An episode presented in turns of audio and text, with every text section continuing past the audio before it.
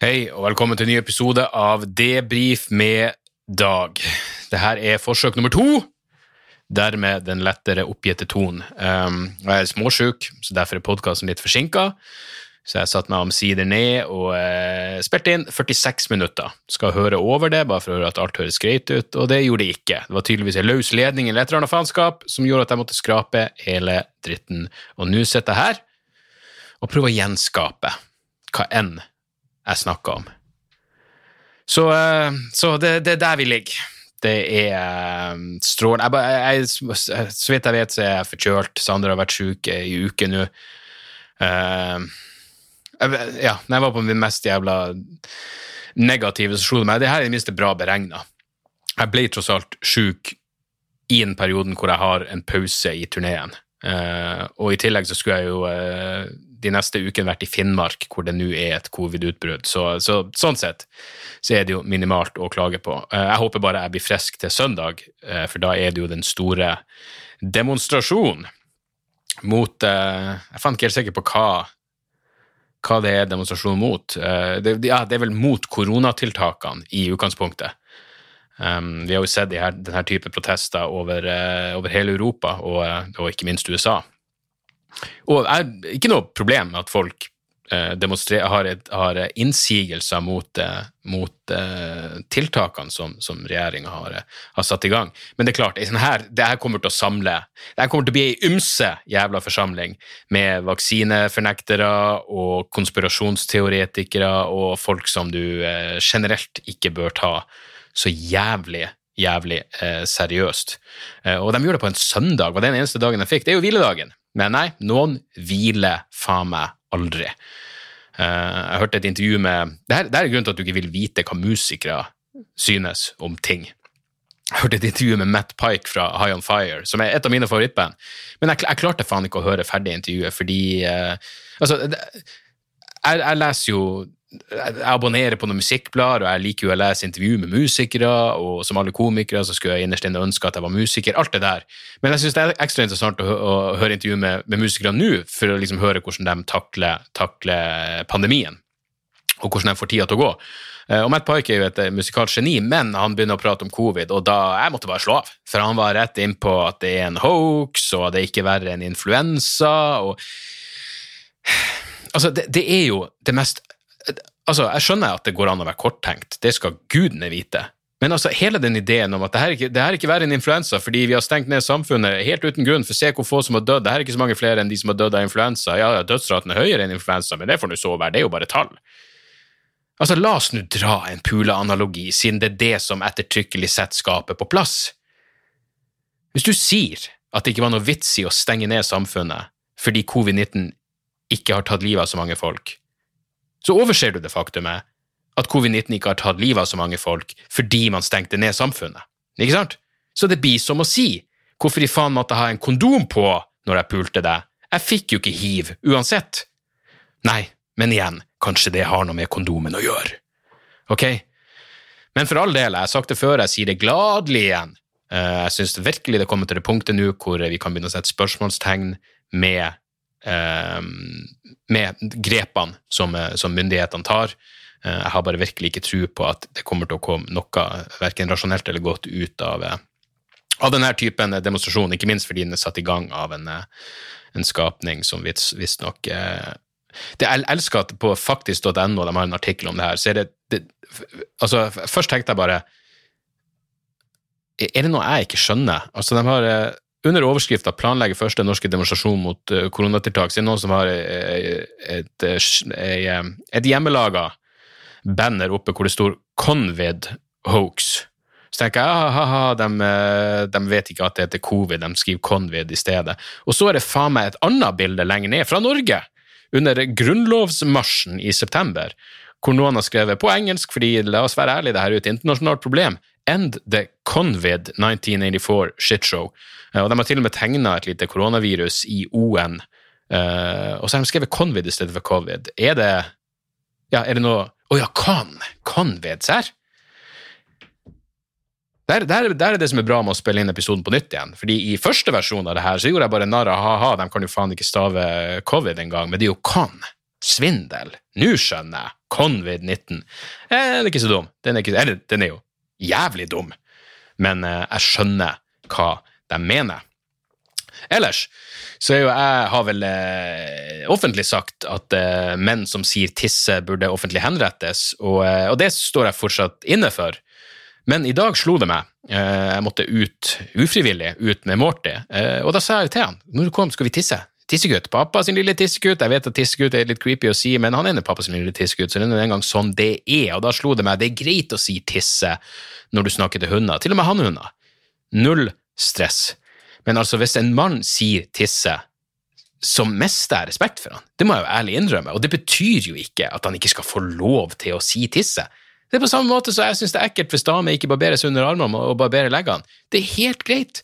Jeg syns det er ekkelt. Jeg mister respekt for deg. Betyr ikke at du burde slutte å gjøre det. På ingen måte. Så fremst du ikke vil ha min respekt.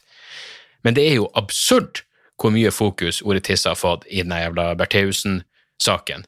Um, og det er jo selvfølgelig alt er et resultat av vitnemålet til språkekspert Sylfest Lomeheim.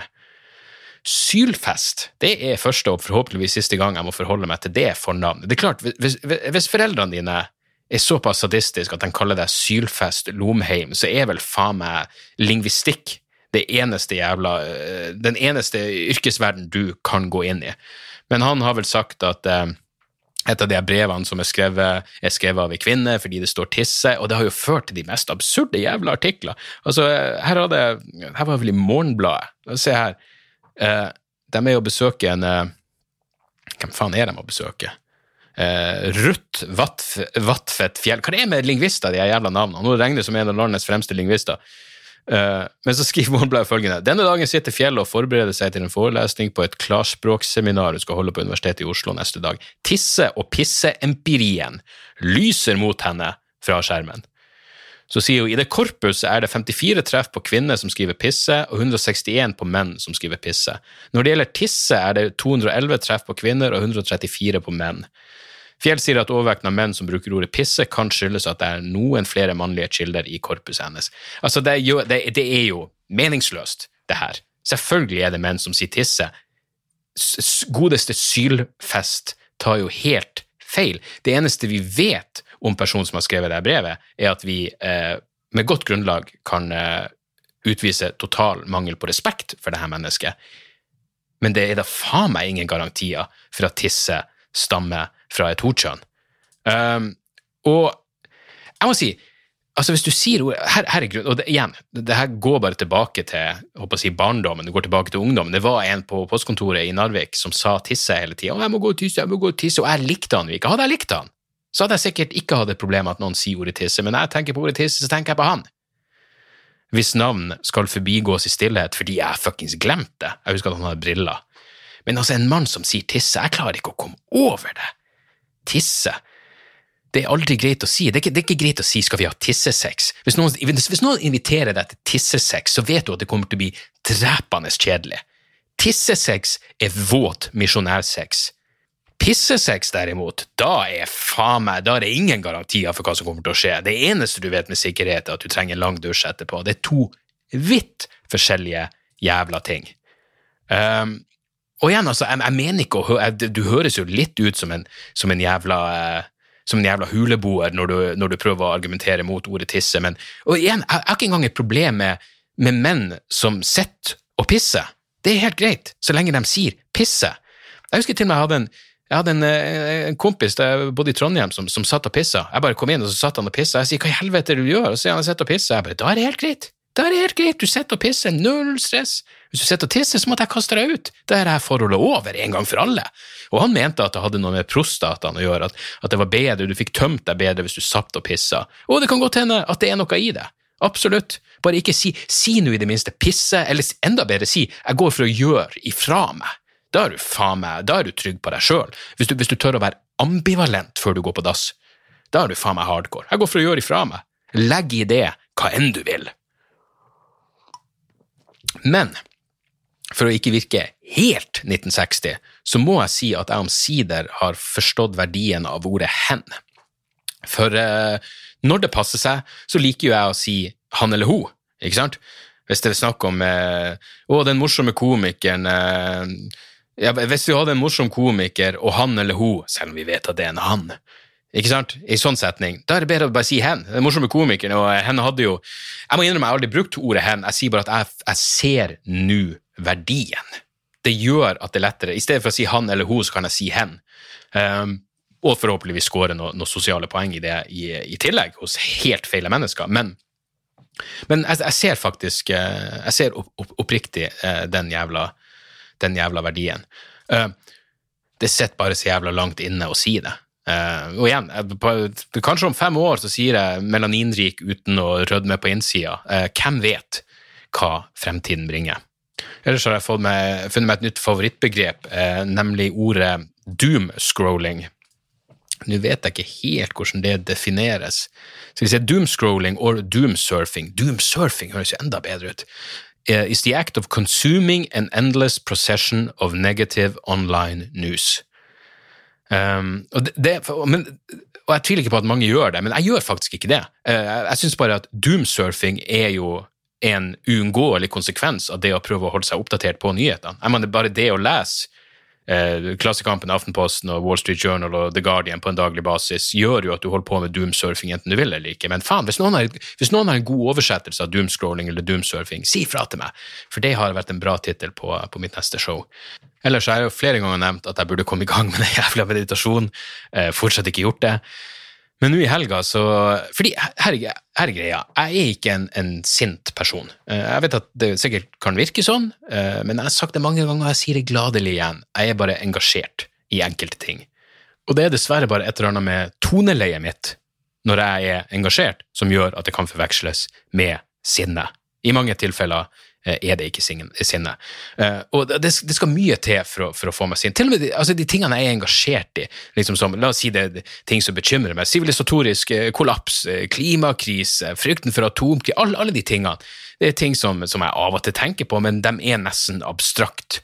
For at jeg virkelig skal bli sint på noe, så må det være eh, atskillig mer eh, konkret, ikke sant? Og Sånn som nå når det var den, eh, det drapet i Paris. Eh, han læreren som fikk hodet skåret av fordi han under eh, en skoletime om ytringsfrihet viste frem Muhammed-karikaturene. Etter å høflig ha sagt at eh, hvis det er noen som kan bli støtt av de her tegningene, så kan dere snu dere, rundt, eh, snu dere bort eller forlate klasserommet. Null stress. Han fikk hodet skåret av av en 18 år gammel eh, eh, religiøs fanatiker som ropte Allahu akbar og skjærte hodet av han. Vel, det er jo greit og nok. Det er jo sånn som vi er blitt vant til i den moderne verden. Men jeg blir sint når folk prøver å rasjonalisere det her. Altså, da, da kjenner jeg virkelig at jeg fyrer meg opp.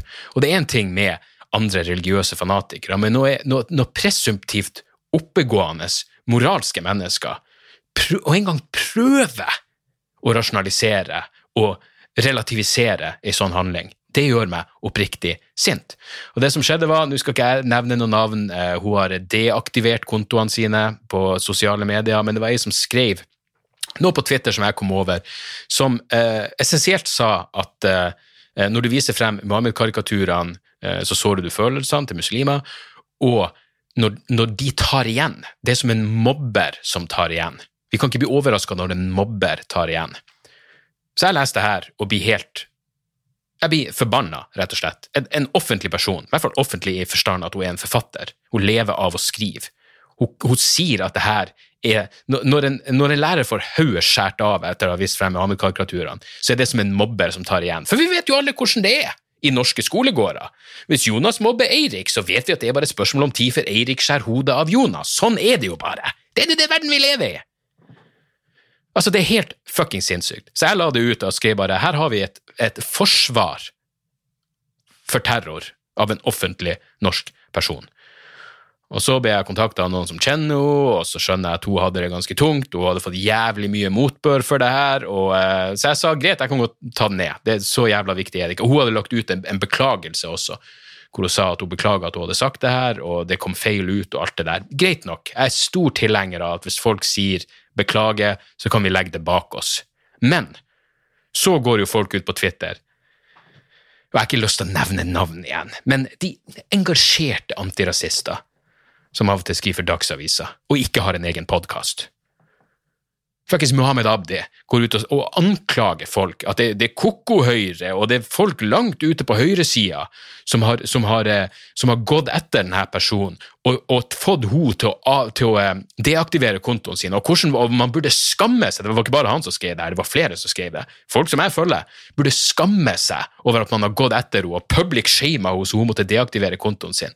Altså, jeg aner ikke, jeg tviler ikke på at det er grusomme mennesker som har kommet etter henne for det her. Folk fra fuckings Resett og Human Rights Service og hva enn du kan dra opp av kloakkene av folk med, med tilgang til internett i 2020 i Norge, tviler jeg ikke på å ha gått etter henne. Men å insinuere, eller si rett ut, at det kun er koko-høyre som er som, at, at det her kun er kritikkverdig eh, hvis du er høyreekstrem, det hun sa var fuckings sinnssykt, og da er det helt rett å si ifra.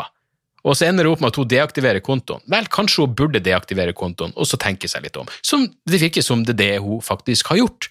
Men det, det, det, altså, det, det, det er bare det at jeg, jeg mister litt fatning av det her. Det er ingenting som irriterer meg så mye som når folk prøver å rasjonalisere terror på denne måten, når folk prøver å rasjonalisere vold. Ikke sant? Jeg prater om det her i, vrangforestilling.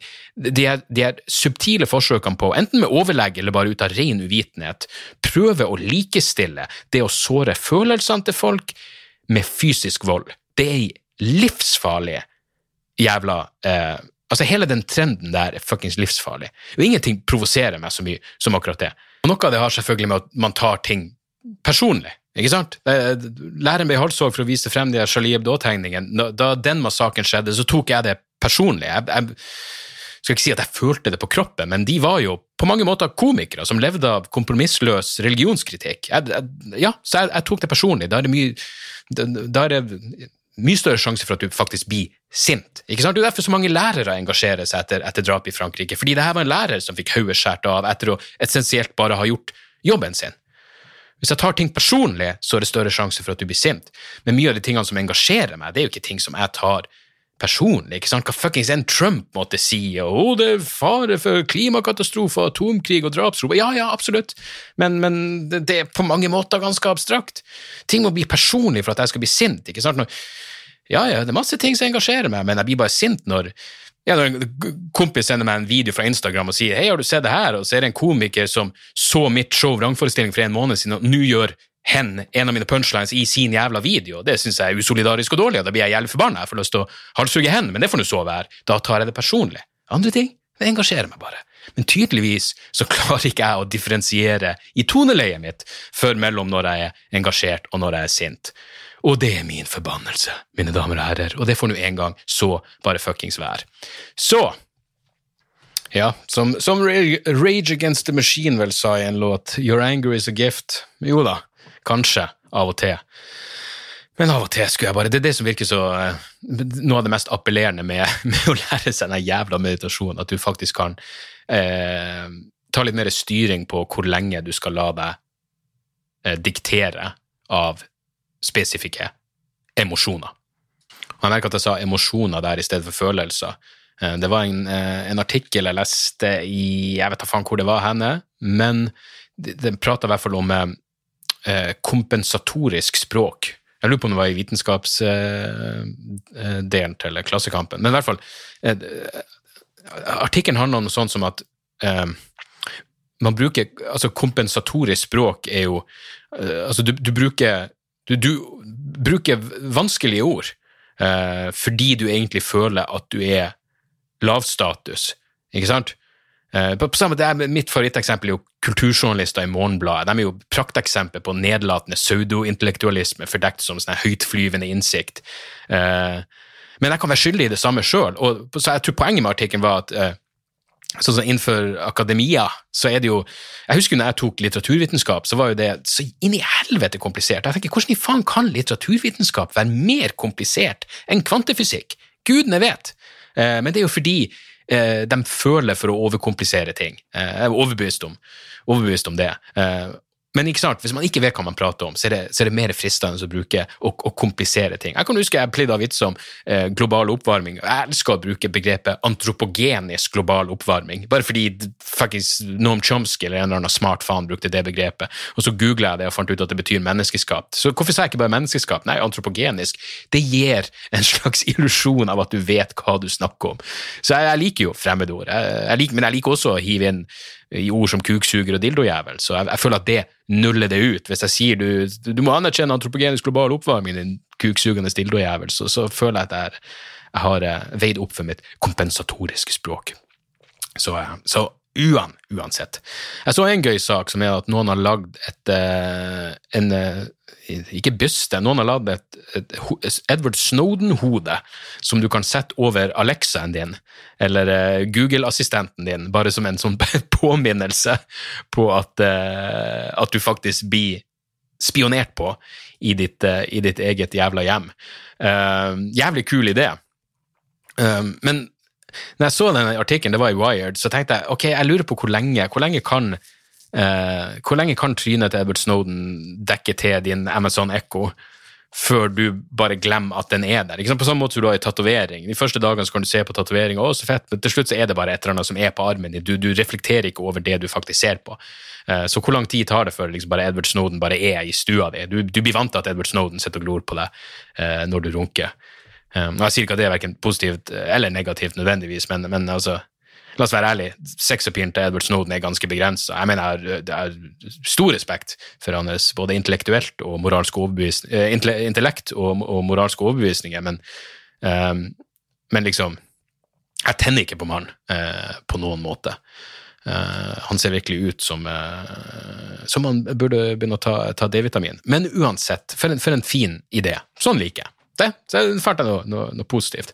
Jeg leste også en um, en interessant artikkel om bruk av, av, kunstig intelligens og roboter i militæret, hvor bare for å vise for en fuckings dystopisk fremtid man, man, kan ende opp med uh, altså På, på 60-tallet var det visstnok en, en roman som kom ut i, i uh, en russisk science fiction-roman som heter Crabs on the Island, som, uh, som visstnok var en slags ble beskrevet som en Hunger Games for, for kunstig intelligens, hvor, hvor, noen bare plasserte en masse uh, drapsroboter på ei øde øy, og så lot de dem bare kjempe til døden for å se hvem som da sto igjen som seierherre eller seierrobot, eller hva faen en seier... Eh, hva er den kjønnsnøytrale ordet for seierherre, for helvete? Seiersperson. Vinner.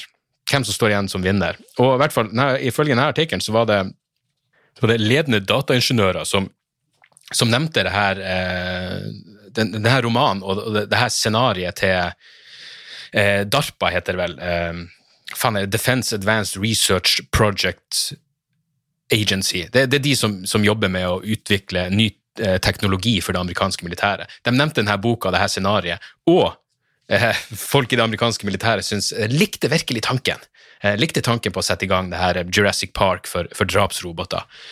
Uh, og som denne artikkelen påpeker, så trenger du ikke ha så jævlig god fantasi for å forestille deg hvordan det her kan komme ut av kontroll. Jeg mener, Bare se for deg å være de, de første personene som skal dra tilbake til denne øde øya for å se på tingenes tilstand, se hvordan det går. Jeg vil faen meg ha Norge på banen her også. Hvorfor bruker vi alle det militærbudsjettet vårt på fuckings jagerfly og overvåkningsskip og all slags piss? La oss, la oss starte en jævla Lord of the Flies for drapsroboter. I forskningens navn. Um, utenom det, takk til hvem enn som tipsa meg om uh, filmen uh, Miracle in Cell Number Seven på, på, Netflix. Det var en lytter som sendte meg en mail. Grei film. Jeg, jeg måtte, noen var ferdig, så måtte jeg si til dama den var vel fin. Var den ikke det? Hun var sånn ja, den var, den var, den var fin. Det var hyggelig. Um, så vidt jeg vet, så er det en nyinnspilling av en uh, asiatisk for jeg lurer på om det er en sørkoreansk film, som uh, kort fortalt, uh, og ingen spoiler her, handler om en mentalt tilbakestående person som, eh, som blir dømt for, uskyldig dømt for å ha tatt livet av ei ung jente. Eh, det som er litt fascinerende, den nyinnspillinga her, den er så er fra 2020. Jeg tror den er eh, tyrkisk eller indonesisk eller jeg tror Den foregår i Tyrkia, men jeg lurer på om filmen er indonesisk. Jeg husker ikke detaljene, og det er ærlig talt ikke så jævlig nøye, men det som er interessant, er at den mentalt tilbakestående mannen har ei datter som er veldig søt og snill. Og men på, på ingen på, null tidspunkt så blir det liksom reflektert rundt det faktum at en mentalt tilbakestående person har en unge, for kona er død, så man vet ikke om hun bare om hun bare eh, om hun også var tilbakestående, eller om hun bare spredde beina for en god sak for å være hyggelig, og så kom ting litt ut av kontroll. Gudene vet, men han er, han er åpenbart en god far, det er jo selvfølgelig det viktigste, og så har han også mora som hjelper til. Og jeg bare prøvde å se litt på, på opphavet, så inn, inn Selvfølgelig i den asiatiske filmen så er det atskillig mørkere, for der blir han ikke bare dømt for å ha tatt livet av en ung jente, men han blir dømt for et seksuelt overgrep mot henne. og I denne versjonen så er det litt hyggeligere. Jenta bare eh, detter i vannet. Men eh, jeg vet at det, det høres ikke ut som en fin film når jeg beskriver den på denne måten, men det var akkurat så eh, altså Hvis, hvis liksom eh, dødsstraff og, og, og eh, og, det, og, og liksom uskyld, ja, uskyldig dømte på death row, hvis det kan gjøres om til en familiefilm, så er vel det her så nært som du kommer. Den var, den var relativt feel good, faktisk. Og uh, han er en, han er en uh, mannlige skuespilleren er slett ikke verst i rollen sin. Så, så takk, for, uh, takk, for, det tipset. Jeg fikk også en mail om Forrige uke så prata jeg jo om såkalt negativ promille eh, i forbindelse med denne filmen eh, Altså, nå gikk jeg inn på mailen min, og så kom det opp mulighet for en bursdagshilsen? spørsmålstegn. Og nå husker jeg ikke om jeg prata om det i denne innspillinga eller i første innspillinga. Så her må jeg rett og slett bare ta eh, sjansen på å gjenta meg sjøl. Jeg tror det var i forrige. Uansett, slutt å sende meg de jævla meldingene om, om jeg kan lage en bursdagshilsen eller en bryllupshilsen, for jeg gir ærlig talt faen. Ok, liksom Arntfinn blir 43 år, og han er en stor fan. Altså, jeg vet ikke hvor mange du har sendt denne jævla meldinga til. Du skjønner at det er arbeid for meg. Jeg hater å lage sånne videoer. Jeg gidder ikke engang å lage sånne videoer for mine egne show. Du får av og til sånn Gidder du å lage en video for å promotere at du kommer til Volda? Det er sånn, Helst ikke. Da får det heller bare komme færre folk. Jeg hater sånne videoer. Og så forventer du at jeg skal gjøre det bare fordi Blir 43. Hvem faen fuckings bryr seg? Og igjen, mange av dem er så generisk formulert at jeg vet da faen Ja, det er kompensatorisk språk der, mine damer og herrer, men mange av dem er så jævla eh, vagt formulert at jeg, jeg, tipper det var masse utsending. De sender det ned til en masse A, B, C og D-kjendiser, og på det treffer de Dag, og så sender de det til meg, og så er jeg den eneste som svarer. Så nå mister Arntfinn faen meg respekten for meg for at jeg faktisk gidder å gi han en bursdagshilsen. Jeg gir nå vel faen i at voksne mennesker feire dagen sin. Altså, det, det, det, vi gjør alle det. Jeg gir faen i at dere skal gifte dere. Jeg har sagt det mange ganger, jeg sier det gjerne igjen. Hvis dere skal skille dere, begravelser, da kan jeg sende fuckings hilsener. Og hvis dere forventer en hilsen, så må du i hvert fall insinuere Skriv noe mer spesifikt, bare. Han er jo en stor fan. Av hva? Slutt å sende. Jeg vil ikke, jeg, jeg lager ikke bursdagshilsener. Jeg lager ikke bryllupshilsener. Så fremst du ikke er på Patrion. Patreon.com slash dagsoras. For de støtter meg! De støtter meg økonomisk hver jævla måned. Da skal jeg faen meg gjøre innsatsen det er og lage en liten bursdagshilsen. Skulle bare mangle! Men til resten av dere, hvorfor skal jeg jobbe gratis for deg? Fuck off! Jeg gidder ikke! Skjønner du det? Jeg hater å lage sånne videoer. Vær så snill og slutt å sende meg de forespørslene. Det er en forbanna uting som har spredd seg så inn i helvete. Ser nå i den mailen at hun er ganske spesifikk på denne personen, og han strømmer å bli standup-komiker. Men uansett Jeg vet ikke, gikk jeg for hardt ut der? Hvem vet? Gikk jeg fra engasjert til sint? Kanskje. Men det er nå engang sånn, eh, sånn som skjer i ny og ne. Hvis det, hvis det er igjen, hvis det er noe interessant Å, Robert skal få utlagt tarm. Ja, ok. Da kan jeg sende en liten, en, en liten hilsen. Hæ? Jan Roger overlevde sitt fjerde selvmordsforsøk. Kan du gi han en liten, uh, liten oppmuntring? Absolutt! Bedre lykke neste gang! Nei, jeg vet ikke. Uh, jeg skulle til en mail jeg fikk om, om negative Om negativ promille, fordi jeg, jeg, trodde ærlig talt først mailen bare var babbel. Og så leste jeg opp jeg leste opp hele mailen i uh, ja, mitt første forsøk på det jævla opptaket, og da ga det jo mening. Så det er i hvert fall uh, Marius som sender meg en mail som heter Negativ promille, og så står det Hei, Dag. Konseptet negativ promille har sin opprinnelse, velger jeg å tro, som alle andre gode ideer, i Discworld-serien til Terry Pratchett. Der har konseptet navnet Knurd. Så klikker jeg meg inn på eh, vedlagt Wikipedia-link hvor det står knurd, da i motsetning til det å være full eller det å være edru eller sober, nykter, jeg vet da faen, being knurd is to be unintoxicated uh, to such an extent that all such comfort stories are stripped away from the mind. This makes you see the world in a way nobody ever should in all its harsh reality. Så tenkte jeg ok, jeg vet ikke om det her er relevant for eh, negativ promille, og så har, eh, har Marius lagt med følgende sitat. Eh, han skriver her om vaktsersjant Samuel Wimes.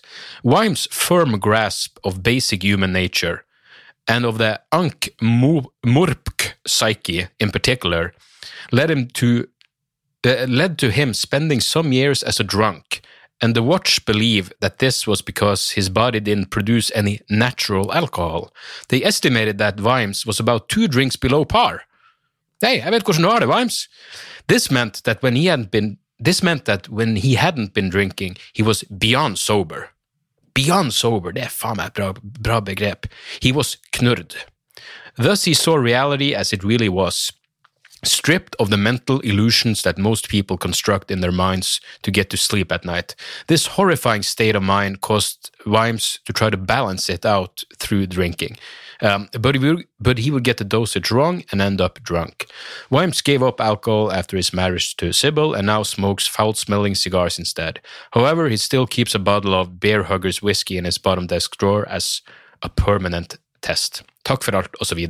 Hilsen Marius. Takk til deg, Marius. Den var oppklarende. Uh, beyond sober er et veldig bra begrep. Dette minner meg om en uh, South Park-episode som en komikerkompis tipsa meg om. Han sa at han tenkte på meg når han så den. Uh, og det er en episode hvor Jeg vet da faen, de South Park-guttene, en av dem faen, Det kan ikke ha vært Cartman, men Kyle eller han andre.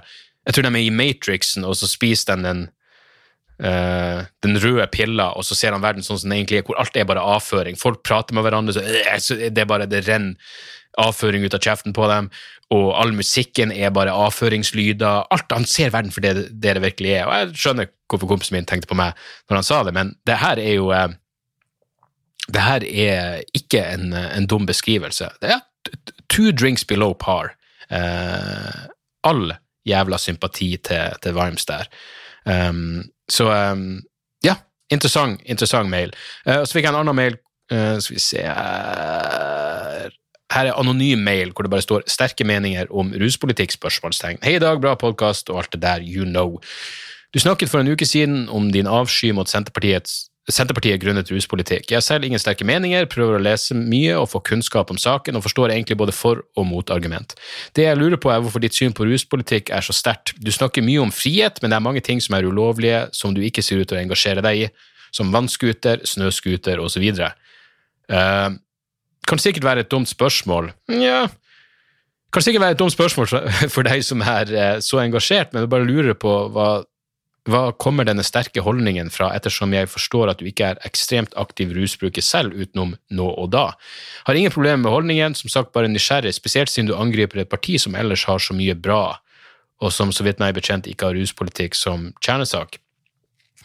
Uh, for det første, når du sier at Senterpartiet har, har så mye bra uh, ellers, så det mangler en liten fotnote til deg, kompis. Eh, jeg vil ha eh, ei liste over de tingene Senterpartiet har som er så jævlig bra, utenom eh, at Vidkun Quisling var tidligere partileder. Eh, mitt engasjement, hvorfor jeg er mer engasjert i ruspolitikk enn jeg er i forhold til vannskutere og snøskutere, er at det handler om ei atskillig mer fundamental frihet. For det første så, så føler jeg at, at norsk narkotikapolitikk eh, fører til uendelig mye unødvendig menneskelig lidelse, men rent bortsett fra det så er det ei fundamental frihet, fordi retten til å forandre på din egen bevissthet ja, det, er så fundamentalt som du, som du kan få det.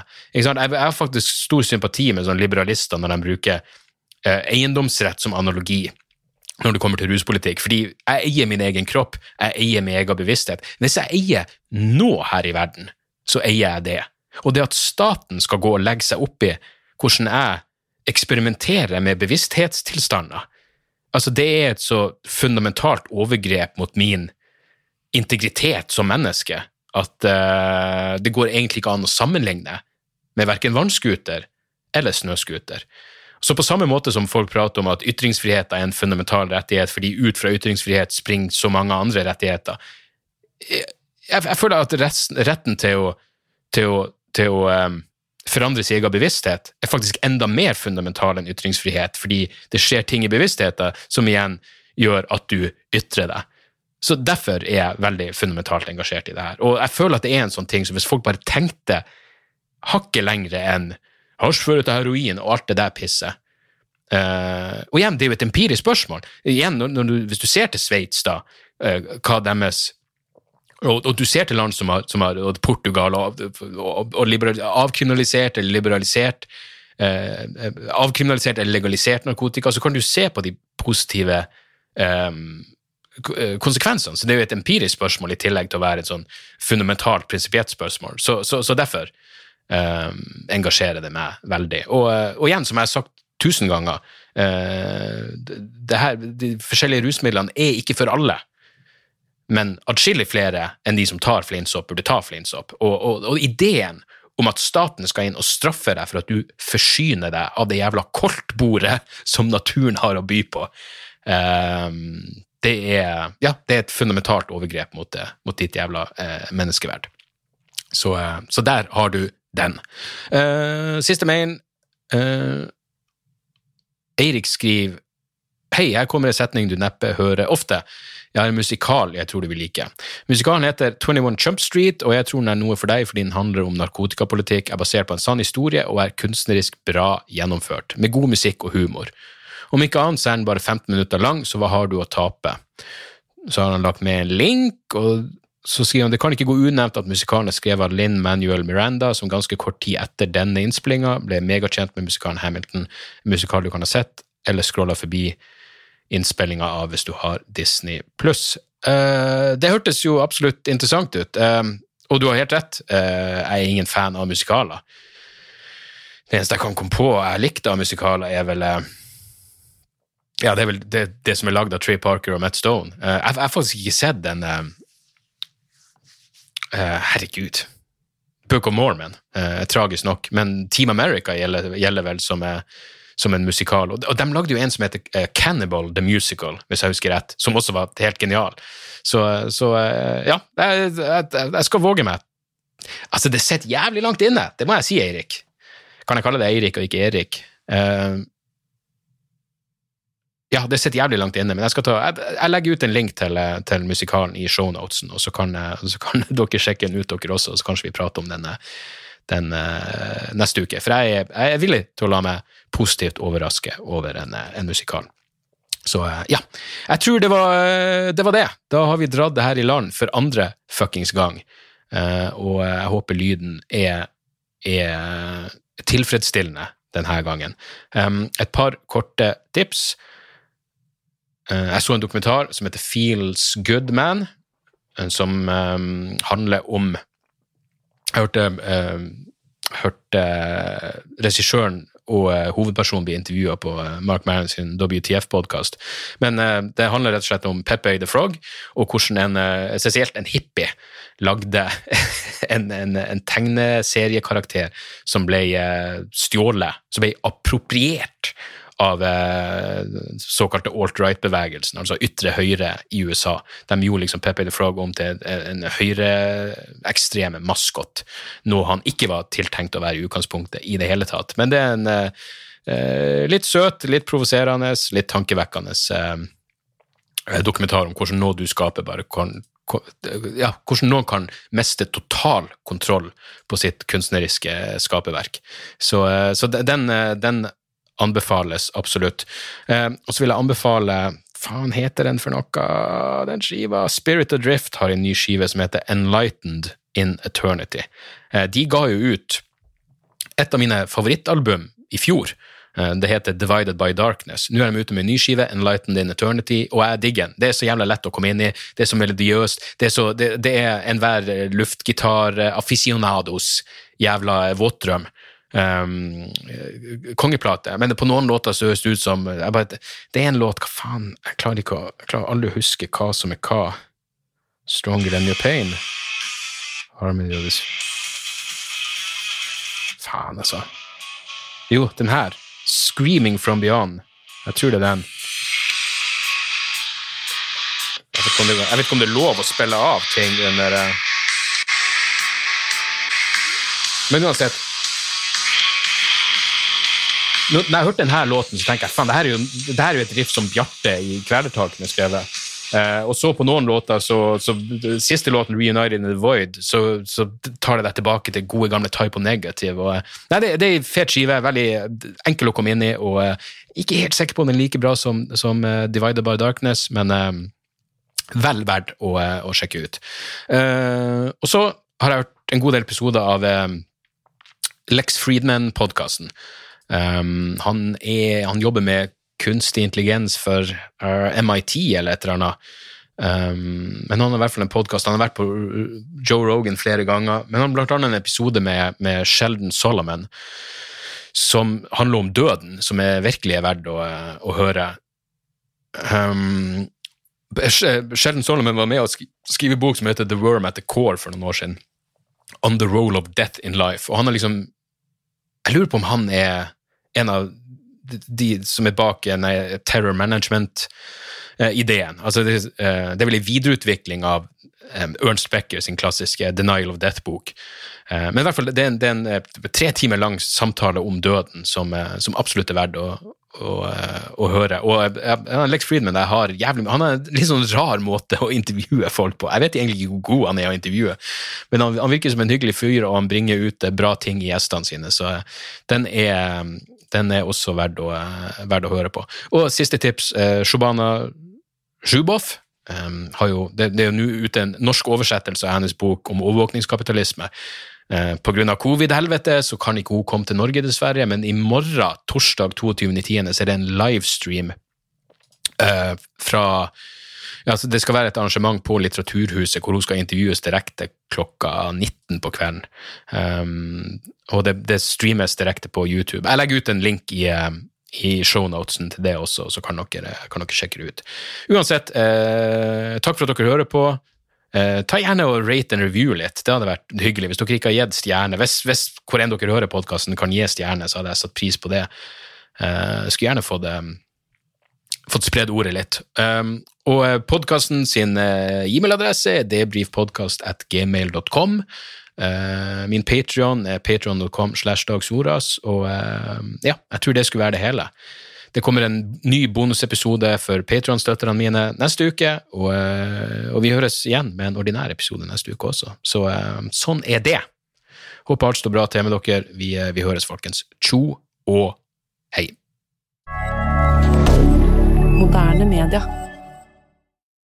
Da er det reklametid, og ukens annonsør er fiken. Hør her, jeg, jeg, jeg avskyr ordet regnskap. Ordet regnskap eh, gir meg assosiasjoner som er uhyggelige. Det får meg til å tenke på andre uhyggelige ord som ettersyn og underlivsundersøkelse. Men regnskap er et nødvendig onde, og fiken er et så enkelt regnskapsprogram at selv jeg kan klare å ha kontroll på finansene hvis jeg bruker det. Eh, du kan registrere kjøpene dine bare med å ta et bilde av kvitteringa med appen, og så kan du bare hive, hive kvitteringen. Hvor nydelig kan det bli? Og Fiken forholder seg også til regnskap med overkommelige ord. Det er ikke masse overkomplisert økonomisk terminologi. De kaller det kjøp og salg i stedet for hva enn de kaller det på BI. Og du kan, eh, du kan få fiken til å sende purringen din, sånn at du slipper å gjøre det sjøl. Slipper du de flaue øyeblikkene hvor du må skrive 'unnskyld meg, men det står noe utestående her, kan du fikse det fortest mulig', eller må jeg sende, sende mafiaen etter deg? Nei, fiken fikser det så kan du skylde på algoritmene. Du slipper dårlig stemning. Jeg syns det er utrolig greit å slippe å styre med sånne ting sjøl, og nå kan du prøve fiken gratis i 30 dager. Hva, hva har du å tape? Bokstavelig talt ingen verdens ting. Så gå inn på fiken.no og prøv fiken gratis i 30 dager. Ok? Det var det så vanskelig.